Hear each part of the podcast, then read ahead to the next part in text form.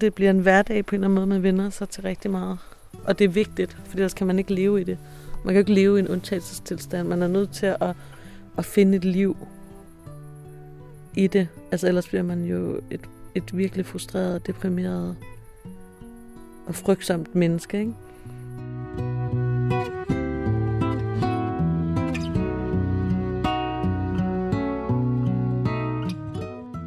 Det her er del 2 i udsendelsen om min søster Sias, der har et sikkerhedsfirma i Yemen.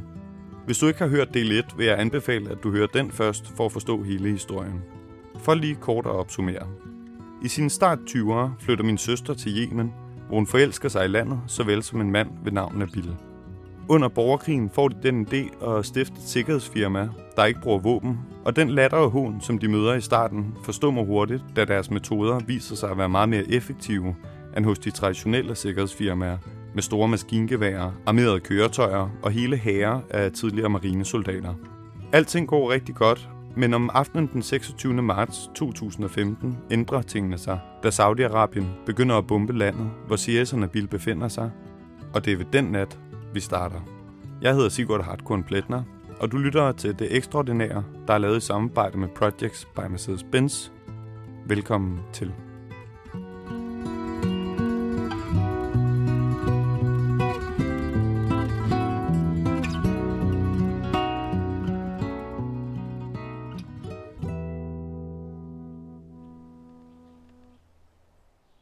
Jeg kan huske, at jeg befandt mig i en eller anden lille landsby i et sted i Frankrig. Jeg var nede og kigge på gotiske kirker med nogle venner. Øhm, og befandt mig i den her lille bitte landsby, hvor der dårligt var net og dårligt var forbindelse. Øhm, uden for vinduet var der en lille vandmølle. Og så kan jeg huske, du ringer til mig den her aften. Sent om aftenen. Og jeg tager telefonen. Og jeg kan bare høre, husk du siger, Bix, du skal ikke være urolig men Saudi-Arabien er begyndt at bombe. Og jeg kan høre i baggrunden, kan jeg høre jetfly, og jeg kan høre den her... Hvad skete der den aften? Der skete det, at øhm, jeg havde egentlig lagt mig til at sove, og, og normalt har jeg min telefon på lydløs, men jeg havde så mange interviews lidt i dag, at, at jeg ikke havde lavet den være på lydløs. Og Nabil ringer, så han er i felten, og ringer og siger, øh, skynd dig ned i kælderen, Saudi-Arabien er begyndt at bombe. Og da jeg er i trappen på vej ned i kælderen, bryder helvede løs. Altså, og det, der ikke, det, der, altså, det var ikke så meget bombardementerne, dem kunne man næsten ikke høre på det her tidspunkt. Det var som om hele byen eksploderede i antiluftskyts. Altså, det er ligesom at være på Dronning Louises bro nytårsaften, så bare gange 10. Og det er bare ikke fyrværkeri, der bliver fyret op i luften.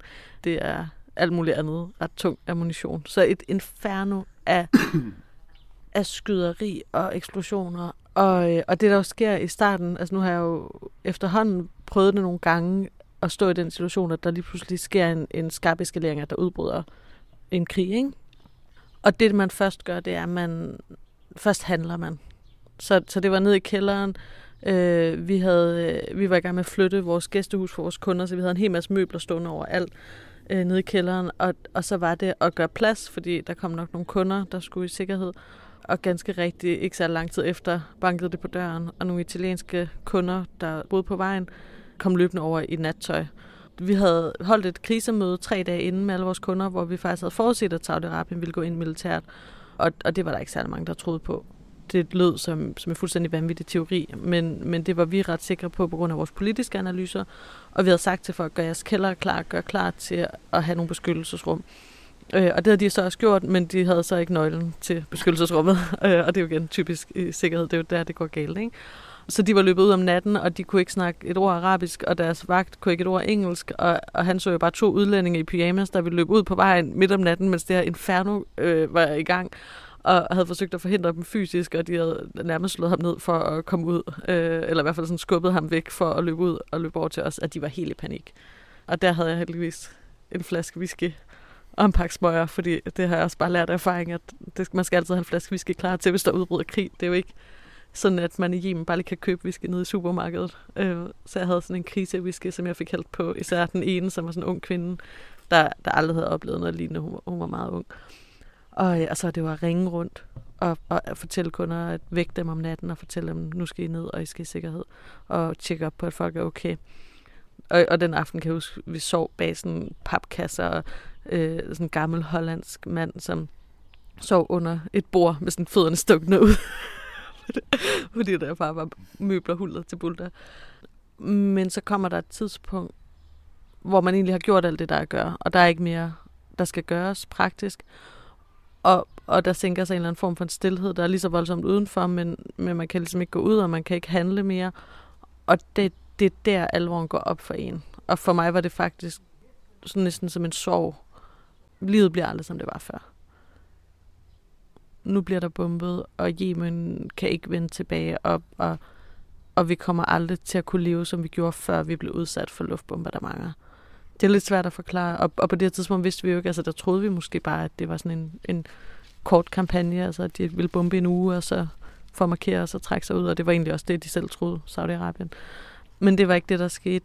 Nu er krigen stået på i, i over tre år, øhm, og har ikke nogen, der er ikke nogen løsning i sigte. Og, øh, og der er opstået en kæmpe stor humanitær krise. Det er faktisk ifølge FN, og nu bliver det jo lidt kedeligt, når vi begynder at snakke om FN, men, men det er faktisk den største humanitære krise, øh, i verden har set siden 2. verdenskrig.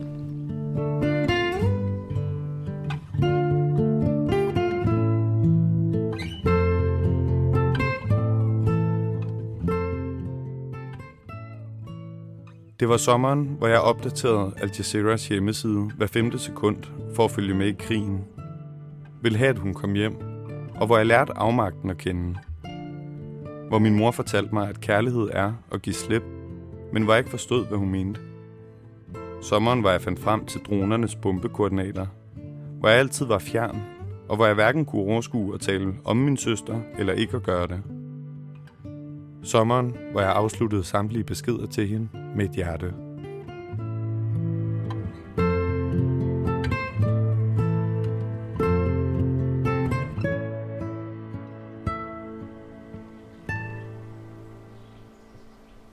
Det, der ret hurtigt gik op for os, da krigen brød ud, var, at jo, de humanitære nødhjælpsarbejdere har selvfølgelig brug for sikkerhed, for det er vigtigt, at der kommer nødhjælp ind, og vi er de eneste, der er til at levere den sikkerhed nu. Men dem, der har allermest brug for sikkerhed, er jo de civile. Og derfor har vi lagt om til, udover at lave sikkerhed for NGO'erne og, og FN, så laver vi i rigtig høj grad nu øh, sikkerhed for civile øh, fanget i væbnet konflikt. Og det er, det er jo ikke sådan, at vi går ud og sender en bodyguard ud for at beskytte nogle civile. Det havde været fuldstændig håbløst, fordi der er 22 millioner øh, civile i Yemen. Øhm, og øh, så, så, så det, det, det handler om, det er, hvordan kan vi minimere de effekter, krigen har på civile. Øhm, blandt andet har vi arbejdet meget med øh, skoler og skolebørn øh, sammen med UNICEF og Uddannelsesministeriet med, hvordan kan vi sørge for, at for det første, hvordan kan vi lære skolebørn, hvordan de skal opføre sig, når der er øh, udbrud af væbnet konflikt, altså når der er en, en bombe, der går af, eller en landmine eller noget andet, altså hvordan, hvordan uddanner vi dem til at passe bedst muligt på sig selv, øh, for eksempel ikke at lege med landminer øh, og, og andet øh, eksplosiv, der ligger og flyder. Men hvordan kan vi også få alle de væbnede parter til at beskytte skolerne, altså fordi lige nu bliver skolerne både brugt af, af militærfolk på jorden, og så bliver de også bombet fra luften. Så hvordan får vi dels folk til at holde op med at bruge dem militært på landjorden, og hvordan får vi øh, koalitionen til at holde op med at bombe dem? Og det har vi arbejdet meget intensivt på de sidste par år. Men så laver vi også andre ting, der har at gøre med civile. Vi laver øh, en, en masse med, øh, med FN omkring rådgivning øh, og, og, og, og monitorering. Altså vi holder øje med, hvordan civile bliver påvirket. Vi, vi advarer om øh, bestemte områder, hvor civile er særligt udsatte. Øh, vi fortæller FN, hvad det er for en påvirkning, civile har, hvordan de skal respondere til den. Og så er vi også ret engageret med øh, parterne til konflikten, med at, altså det man kalder et vokasi, altså med at, at tale med dem om, hvordan de bedre kan beskytte civile. Og, og der er vi i en ret unik position, fordi vi er de eneste, der stadig er i Yemen, der laver det, vi laver og vi har fået lov at blive der. Øh, ikke altid lige nemt, øh, det er ikke en dansk bruser, men, men vi har ligesom formået at, at, at bibeholde en neutralitet og, og, og opnå en accept fra de forskellige parter til det, vi laver. Og, og dermed har vi også en meget direkte adgang, så i stedet for at stå og råbe højt i medierne om, at, at, øh, at nu har parterne gjort det og det, eller de skal stoppe med det og det, så har vi faktisk en ret direkte adgang til parterne, og til at sætte os ned med dem og sige, det I har gang i der, det, det sætter civile liv i fare. Det må, I, det må I finde en anden måde at gøre på.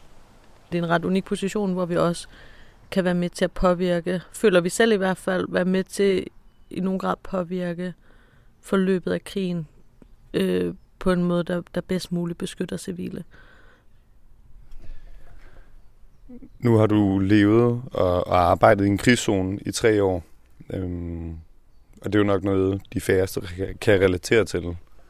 Det, det er jo selv for mig, kan jeg mærke, at det er specielt at tale om, fordi der er så meget, der er indforstået for mig, fordi jeg er så tæt på det, og på en eller anden måde også en del af det. Ikke?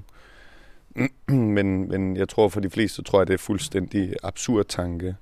Og jeg tror, man forestiller sig noget med, at de, når de skal ned i supermarkedet, løber mellem sådan nogle øh, sniskytter. og...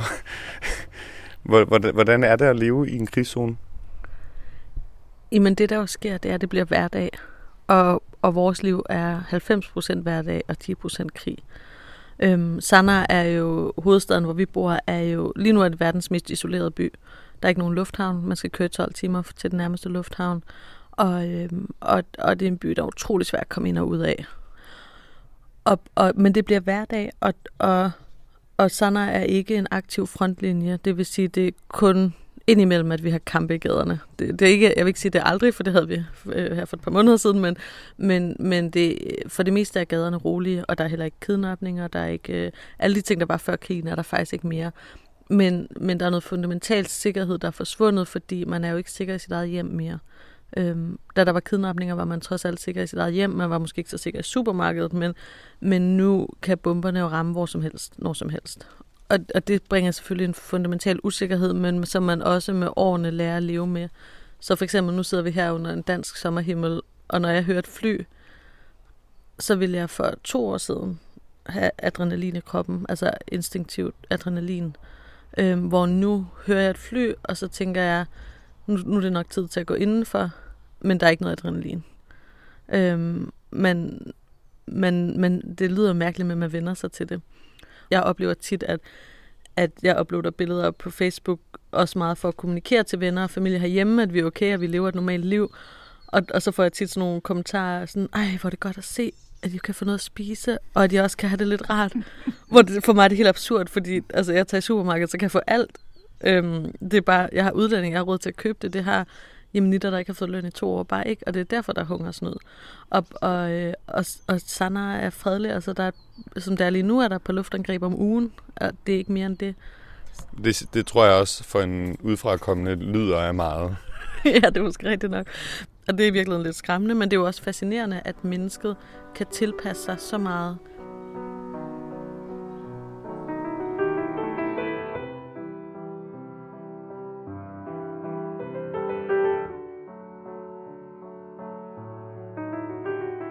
Det var sommeren, hvor jeg mødte min søster og Nabil i Jordan.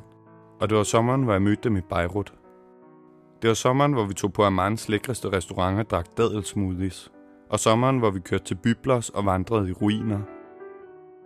Det var sommeren, hvor CS først og fremmest var min ven, og dernæst min søster. Hvor vi ikke længere tog hinandens selskab for givet, og hvor vi kunne drøfte livets svære anlægner.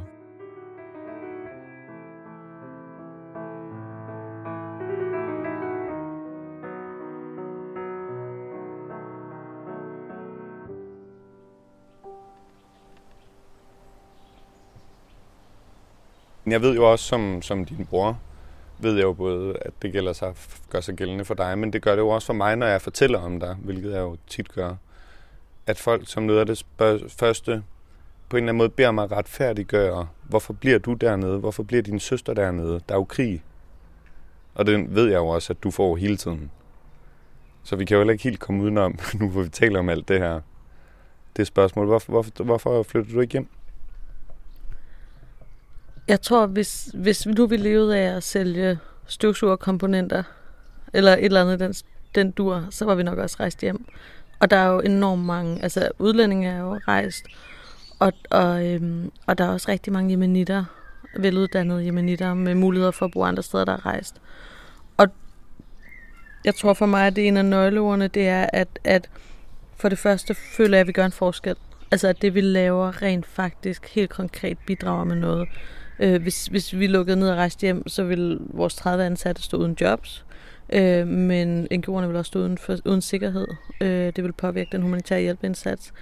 Og, og, og de programmer, vi laver til beskyttelse af civile, som vokser mere og mere og går i flere og flere retninger, er med til at påvirke på rigtig mange niveauer og med til at informere os det internationale samfund øh, omkring, hvad det er, der foregår inde i Yemen.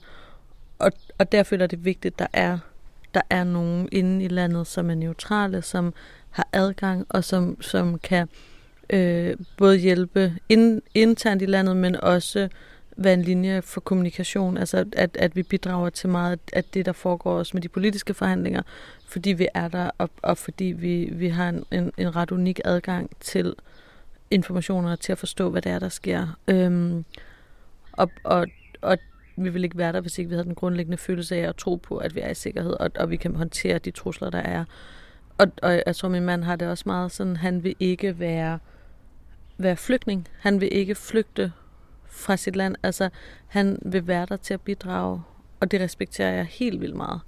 Øhm, for det kan jeg virkelig godt forstå. Og, og så kan det være, når krigen er slut, og der kommer det, der så kommer efter, så kan det være, at vi siger, nu gider vi ikke mere. Nu, nu skal der nogle nye kræfter til, og nogle friske øjne, og nogen, der, der ser på tingene anderledes, op, og nu vil vi starte noget op et andet sted. Men, men så længe krigen er der, er vi bare nogle af de få, der har adgang stadigvæk, og som kan gøre en forskel. Og, og det er meget at vende ryggen til, bare for konformitetens skyld, altså bare fordi det er mere komfortabelt at bo et andet sted. Og jeg tror, altså der, jeg får tit den der med sådan, hvornår, hvornår vender du hjem til Danmark? Og der har det sådan lidt, øhm, aldrig. Altså, jeg elsker at være i Danmark. Og, og, og jo længere jeg bor i udlandet, jo mere elsker jeg at komme hjem hver sommer, og, og når jeg kan også til jul. Elsker at være sammen med, med dig og med vores familie, og jamen, elsker maden og freden, og altså dansk sommer og dansk jul. Men, men jeg har ikke noget behov for nogensinde at bo her. Det er ikke sådan at en midlertidig ting, at vi er ude i verden, og så en dag, så skal vi bo i Danmark. Altså, jeg kan ikke rigtig se, hvad vi skulle her. Altså, jeg tror, hvis ikke vi skulle være hjemme, så skulle vi lave noget andet, der gav mening et andet sted. Øhm, men det er ikke sådan en, at når man så tager vi til Danmark. Altså, hvad fanden skulle vi lave her? Mm-hmm. Jeg tror også bare, jeg har sådan en fandme nej om den krig, og fucking, undskyld mit sprog, Saudi-Arabien skal bestemme, hvordan vi skal leve vores liv. Selvfølgelig skal vi kunne bo der, og selvfølgelig skal vi kunne rejse frem og tilbage. Og, og vi skal nok finde vej. Altså nu har de bare lukket alt, og alligevel har vi fundet en vej. Ikke? Det kan godt være, det tog et halvt år at planlægge, og det tog tre dage at komme ud. Men, men vi gjorde det, og, og, og der, det, det er også det, der er ved at bo i en krigszone. Der vokser sådan en, altså det er den der resilience, ja. der vokser frem. Fandme nej, de skal tvinge os væk fra det, vi elsker at lave, og det land, vi elsker, og hvor vi føler, vi gør en forskel. Savner du nogensinde badekarret på Mols og Thomas Vindings Min hundmester? Jeg tror egentlig, jeg, jeg prøver at skabe det badekar på Mols. Og, og Thomas Windings, min hundmester, i mit hjem i Sanaa. Og, og jeg prøver at skabe den stemning i mit hjem. Faktisk hører jeg også nogle gange Thomas Winding. Øhm, og, og Alberte og, og alle de gamle. Altså, jeg vil aldrig blive jemenit, for eksempel. Altså, for, jeg, jeg, for mig er jeg dansk, og så får jeg jo også en masse jemenitisk inspiration ind under huden, ikke? Og tager det bedste fra begge verdener og begyndt at kalde dig en skør araber over for de andre i familien, når du bliver for meget. ja. Der kommer jo nogle ting, jeg synes jo også, der er nogle ting, der kommer hjem. Jeg synes, de danske løg er så små, og agurkerne er så store, ikke? Altså, fordi hjemme er det omvendt. Men så på en eller anden måde, så ens kultur, eller sådan, der er nogle ting, som man altid har taget for givet, og så lige pludselig ser det helt forkert ud, når man så kommer hjem. øhm, forerne er sådan tre gange så store, det samme med hønsene, ikke, i Danmark. Men, men øhm, så synes, hvad du lært af at bo i Yemen i 11 år og øh, gennemgå to krige, det er, at agurkerne er for store, og løgene er for små, og er desuden helt vildt mærkelige. ja, man kan få, hvad er det, hvad er det Puk siger? Surløg og lange patter.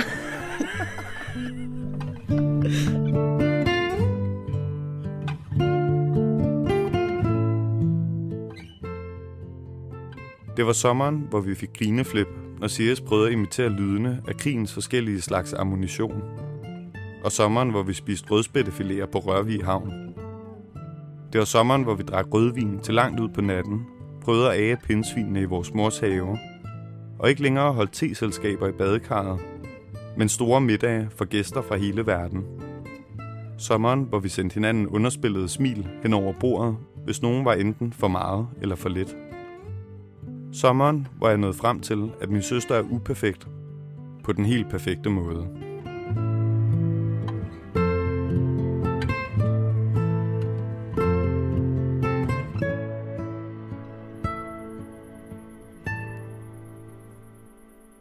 Hvis man undrer sig over, at lydbilledet er blevet lidt anderledes, og stemmeføringen, tonelejet er blevet lidt dybere, så er det fordi, at det er nu blevet aften. Vi var oppe og spise aftensmad, og jeg kørte en tur ned og sprang i fjorden. Og langsomt gik solen ned, og nu sidder vi herude. Og to igen. øhm, så det er i hvert fald derfor, at alt lyder lidt anderledes måske. Lidt mere roligt. Det er, at du beskriver den her afmagtsfølelse, øhm, som har fået stort set alle FN-chefer til at sige op i frustration, og som også får dig til at, at drøfte en, en tvivl over for mig. Ikke? Jeg tror jo også, det er den, som får øh, mange nutidige danskere til os et eller andet sted næsten ikke at vide, hvor fanden skal man starte? Altså at give op på forhånd. Jeg kender det fra mig selv. Ikke? Altså, verden brænder. Syrien brænder. Der er krig mellem, eller der er kamp mellem Iran og Saudi-Arabien. Det skal nok eksplodere på et tidspunkt. Der er millioner af der er millioner af folk i ekstrem fattigdom, Bangladesh, så videre, så videre, så videre, så videre. Den her opgivenhed, den er jo til at tage og føle på, hvis man vælger ikke at engagere sig. Og sige, Nå, men så må jeg prøve at skabe mig et godt liv i mit umiddelbare jeg. Ikke? Jeg må melde mig ind i andelsforeningens bestyrelse og få styr på de altaner, eller jeg må sørge for, at mine børn har en god skolegang. Altså, det er på en eller anden måde mere håndgribeligt at engagere sig i det umiddelbare, når du ikke kan gøre noget ved det store. Men eftersom du nu har valgt at beskæftige dig med det store, ikke?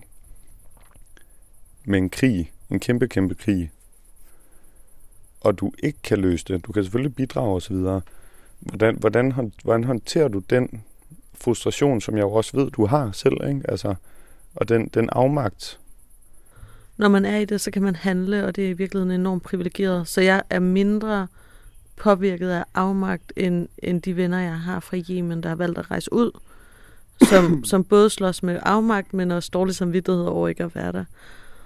Og, øhm, og jeg tror, at, at det er en side af det, og en anden side er, at man bygger også lidt en mur.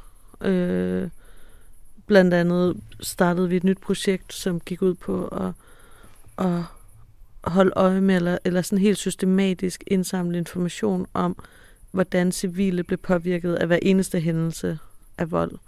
Øh, og det var et projekt sammen med FN. Og det var, og det var mig, der sad og gjorde det i starten.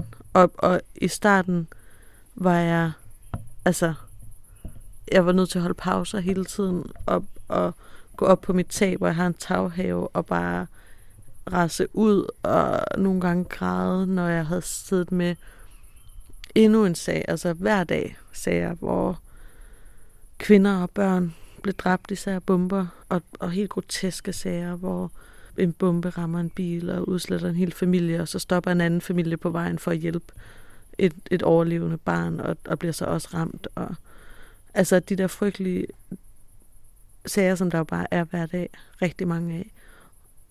Og der måtte jeg sige til mig selv på et tidspunkt, okay, hvis hvis jeg vil kunne gøre noget ved det her, jeg er i en situation, hvor jeg kan gøre noget for de her civile, og hvis jeg vil gøre det, så er jeg nødt til at tage mig sammen.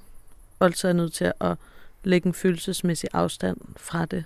For jeg kan enten sidde her og tude, eller så kan jeg, kan jeg rent faktisk gøre noget.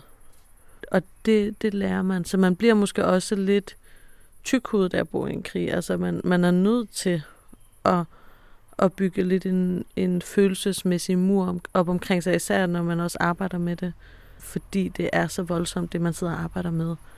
Og, og der ligger man sådan en, en professionel distance, altså hvor man holder afstand, og, og det samme med i forhold til vreden og frustrationen. Der er ikke mere vrede. Jeg kan ikke rumme så meget vrede i mit liv. Jeg kan ikke gå under at være vred hele tiden. Så, så den vrede er, virkelig, er, er der måske stadig et eller andet sted, men, men er meget afdæmpet nu. Øhm, I forhold til, hvad den var i starten af krigen.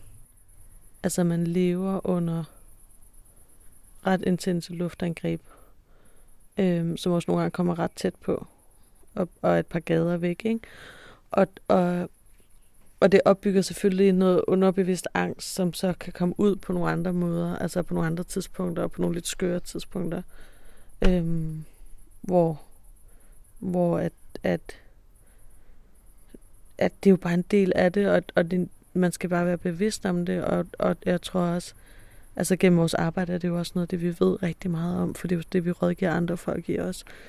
Øh, altså det mentale er jo også en del af det at lave sikkerhed. Så det, det føler jeg egentlig, at, at det bliver en hverdag på en eller anden måde, man vender sig til rigtig meget. Og det er vigtigt, for ellers kan man ikke leve i det. Man kan jo ikke leve i en undtagelsestilstand. Man er nødt til at, at finde et liv i det. Altså ellers bliver man jo et, et virkelig frustreret, deprimeret og frygtsomt menneske, ikke?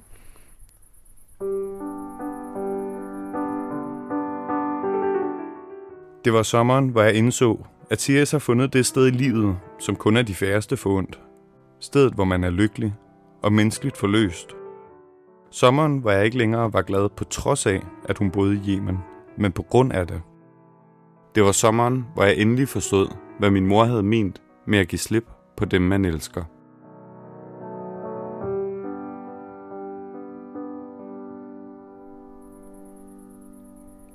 Hvad, hvad, hvad, hvad er det for en drivkraft, der gør, at du slår dig ned i en fucking krigszone, og du bliver boende igennem krigen? Og ikke kun den første, men også den næste. Og hvis der kommer en til, så tror jeg sgu nok også, du skulle blive boende. Det er jo nok flere ting.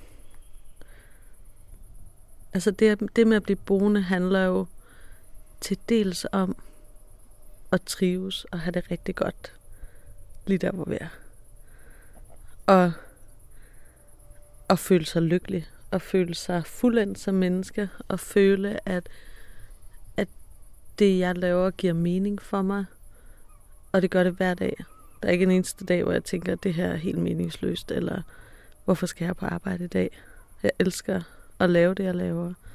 Og jeg elsker vores liv der, som jo ikke ligner en krigszone, altså som jo netop er 90% hver dag, og så 10% krig. Og måske lever man også lidt mere fuldt ud, når man, når man bor i en krigszone. Jeg tror, de år jeg læste og boede i Danmark og i Sverige, kunne man godt køre lidt på sådan en autopilot i sin hverdag. Øhm, og det er jo en hverdag, der i mine øjne er lige så farlig. Altså man lige så nemt bliver ramt af en bil, eller kører galt på cykel. Øhm, som man kan få en bombe i hovedet i Yemen. Sådan næsten rent statistisk. måske ikke 100 procent. det er måske lige at strække den, ikke? Men... Jo, men, det, men det, det er jo stadig... Altså, det, livet er jo, er jo risikofyldt, uanset hvor man lever det. Mm. Og man kan sige, at i vores tilfælde er det, er det en mere dramatisk trussel, men, men som vi tager højde for, og hvor jeg tror også, det bidrager til, at man lever lidt mere fuldt ud, øhm, og værdsætter livet. Og så handler det også om at, at tro på, at, at det, man laver, altså med far for at lyde sådan helt hippieagtigt, men, men at det gør en forskel. Altså at man bidrager med noget til verden, ikke? Og gør verden til et bedre sted. Hvis vi spoler 20 år tilbage, og tilbage på til Mols, og det her badekar, Thomas Vinding og musene, du fangede og satte løs på marken, og måske lidt længere op, hvor du fik en slange og blev punk og hørte punkmusik og tog til fest i København og så videre. Hvis du kunne give et råd til den CS, set fra hvor du står i dag og hvad du ved i dag, et råd, hvad vil du så sige til hende?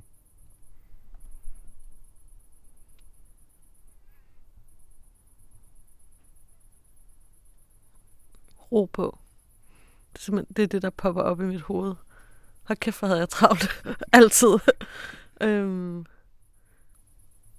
der, der er i hvert fald kommet noget ro med alderen, tror jeg. Men, men jeg ved ikke engang, om, om det er noget godt råd, for det er også fedt bare at i røven.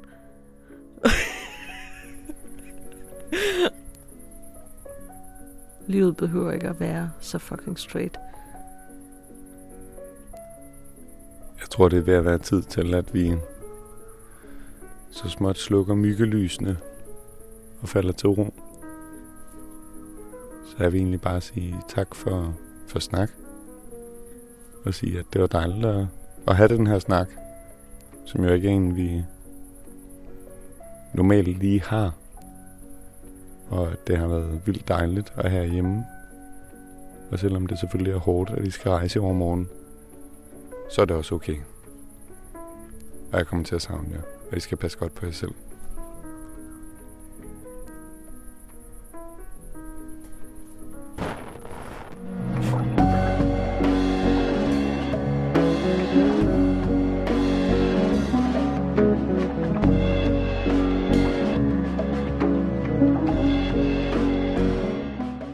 Det var sommeren, hvor vi holdt længe om hinanden i lufthavnen, og hvor Sirius fra gaten skrev, at hun elskede mig.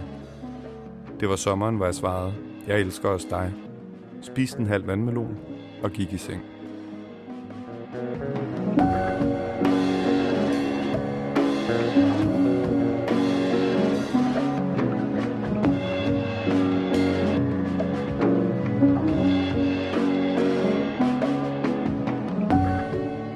Tak fordi du lyttede med til historien om min søster.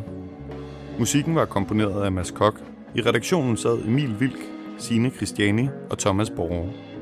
Programmet var optaget, tilrettelagt og klippet af mig, og jeg hedder Sigurd Hartkorn Pletner. Hele serien er blevet til i samarbejde med Projects by Mrs. Benz på genhør i næste uge. thank you